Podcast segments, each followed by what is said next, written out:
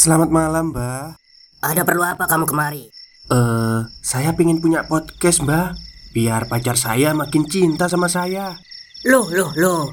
Mau bikin podcast kok tanya dukun? Sekarang kamu download aplikasi Anchor.fm. Di situ kamu bisa buat podcast gratis dan podcast kamu bisa didistribusikan ke platform mana pun. Dan di aplikasi atau website Anchor.fm juga terdapat fitur-fitur yang memudahkan kamu untuk membuat podcast. Oh, gitu ya, Mbak. Kalau gitu, saya boleh minta password wifi-nya, Mbak. Buat apa? Buat download Anchor.fm, Mbak.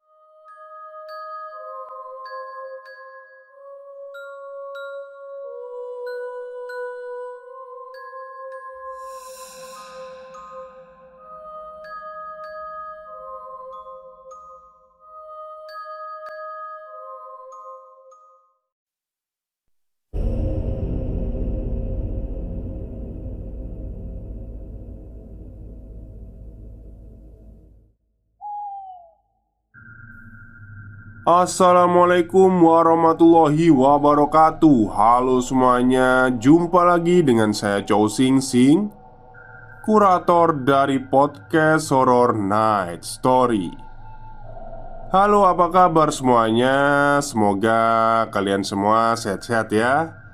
Dan seperti biasanya pada malam hari ini saya kembali Dan akan menghadirkan sebuah kisah mistis untuk kalian semua Kisah mistis kali ini saya datangkan dari tweet twitternya Mas Pai Moto Yang menceritakan tentang kejadian yang dialami oleh temannya. Seperti apa kisahnya? Mari kita simak.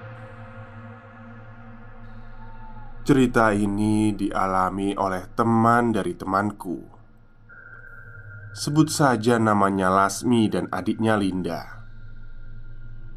Cerita ini mereka alami saat masih SD, di mana saat itu televisi masih menjadi barang mewah dan langka.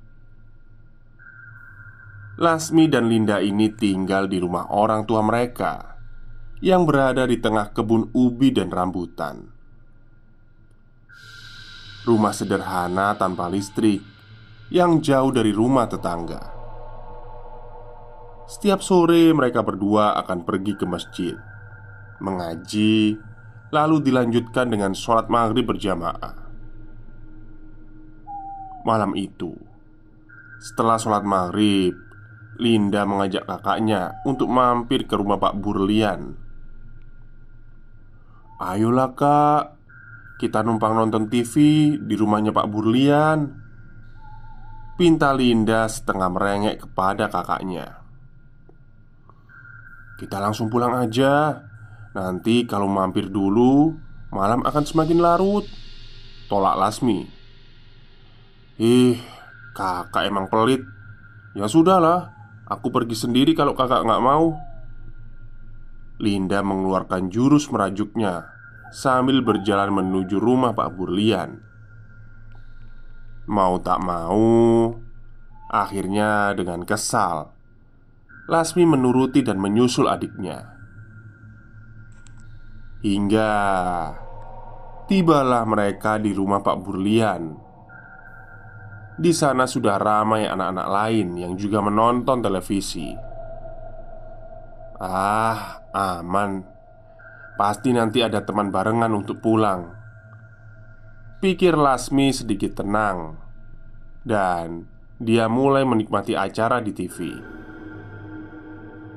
Hingga Tak terasa Waktu bergulir Dan menunjukkan pukul 9 malam. Singkat cerita Mereka semua bubar Awalnya ada dua orang anak, Anggi dan Meli, yang searah dengan mereka. Namun, di perempatan, Anggi dan Meli berbelok kiri, sedangkan Lasmi dan Linda akan lurus saja hingga terlihat kebun-kebun rambutan dan ubi.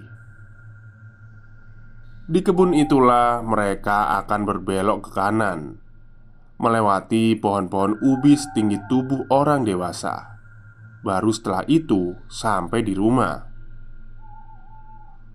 Di persimpangan jalan, saat berpisah dengan Anggi dan Meli, barulah Lasmi sadar mereka hanya berdua, dan jalanan ini sangat sepi karena cuma mereka yang rumahnya berada di sana. Berbeda dengan Lasmi, Linda yang umurnya di dua tahun di bawah kakaknya itu terus saja meracau Menceritakan pendapatnya tentang film yang baru saja mereka tonton. Saking semangatnya Dia tidak menyadari perubahan sikap dari kakaknya. Lasmi berjalan dalam diam. Dia berusaha menundukkan kepalanya Tapi sepertinya kepalanya tidak bisa diajak kerjasama malam itu. Kepalanya terus saja menoleh ke kiri dan ke kanan Sambil matanya menatap ke sudut-sudut gelap di kebun rambutan. Jarak rumah juga terasa semakin jauh. Meski dia sudah berusaha mempercepat langkahnya Memasuki kerapatan pohon singkong Tiba-tiba Linda berkata bau busuk apa ini? Sambil hidungnya mengendus-endus seperti anjing pelacak. Lasmi membeku di tempat. Dia teringat cerita ibunya. Salah satu tanda keberadaan makhluk halus di sekitar kita adalah bau busuk. Lasmi lekas menarik tangan Linda. Sembari berkata Udah jangan diendus. Ayo cepat kita pulang. Nanti dulu kak Jawab Linda sembari melepaskan tangannya dari Lasmi. Gadis kecil itu melangkah ke bahu kiri jalan. Kak, sini dulu Panggil Linda kepada kakaknya. Perasaan Lasmi semakin tidak enak. Sudah Lin, ayo kita pulang Kata Lismia Kata Lasmi sembari masih berdiri di tempatnya Sebenarnya Lasmi dari tadi sudah melihat keanehan itu. Tapi dia hanya diam saja Agar tidak semakin ketakutan Dan cepat sampai ke rumahnya. Tapi adiknya yang selalu ingin tahu itu malah mendekatinya. Di sana Di pohon singkong yang berjarak selangkah dari bahu jalan tergantung benda putih sebesar bantal guling bayi. Bagaimanapun takutnya Lasmi, dia akhirnya menyusul Linda. Mereka berjalan perlahan mendekati benda itu. Semakin dekat, Linda kemudian menyenteri benda itu dengan senter yang dia ambil dari dalam tasnya. Cahaya senter tepat mengenai benda itu yang ternyata memiliki muka. Mukanya dipenuhi belatung dengan kulit merah mengelupas. Di matanya hanya berupa dua rongga kosong. Sontak, kedua kakak beradik itu menjerit sejadi-jadinya. Namun, di tengah kebun itu, siapa yang akan mendengar mereka? Saking kaget dan ketakutannya Linda bahkan sampai jatuh terduduk. Sedangkan Lasmi sudah berlari meninggalkan adiknya di sana. Dia berlari tersaruk-saruk di jalan tanah yang berbatu. Namun belum jauh dia berlari. Lasmi seperti tersadar karena tidak ada adiknya yang mengikuti di belakang Lasmi mengira bahwa Linda juga ikut berlari bersamanya dia sadar ternyata adiknya masih terduduk di bawah pohon singkong itu. Hatinya kemudian sangat dilema antara kembali minta pertolongan orang tuanya atau kembali menjemput adiknya.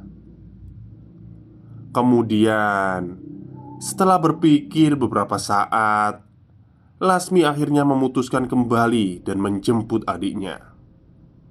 Karena Jarak rumahnya masih lumayan jauh dari kebun itu. Sepanjang perjalanan, dia terus berdoa memohon perlindungan Allah. Sesampainya di bawah pohon singkong itu, Lasmi melihat Linda masih terduduk dengan mulut terbuka. Sedangkan pocong kecil itu juga masih tergantung di sana. Lasmi mengguncang bahu Linda, tapi Linda diam saja.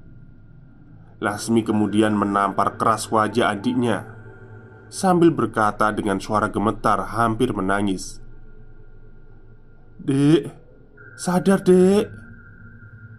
Hingga Linda pun akhirnya tersadar Ditariknya Linda agar berdiri Lalu Keduanya berlari menuju rumah. Lasmi melihat ke belakang. Ternyata pocong kecil itu terbang mengikuti mereka. Mereka berdua berlari semakin kencang. Tidak peduli sendal dan barang mereka yang tertinggal. Bahkan Kaki keduanya sudah berdarah-darah Terinjak babatuan yang tajam. Hingga akhirnya Mereka melihat rumah mereka. Linda langsung menggedor pintu rumahnya sekuat tenaga. Lalu Ibu mereka membuka pintu dan melihat anak-anaknya yang ngos-ngosan. Langsung saja melompat masuk. Ada apa? Kalian kok lari-lari? Tanya ibunya.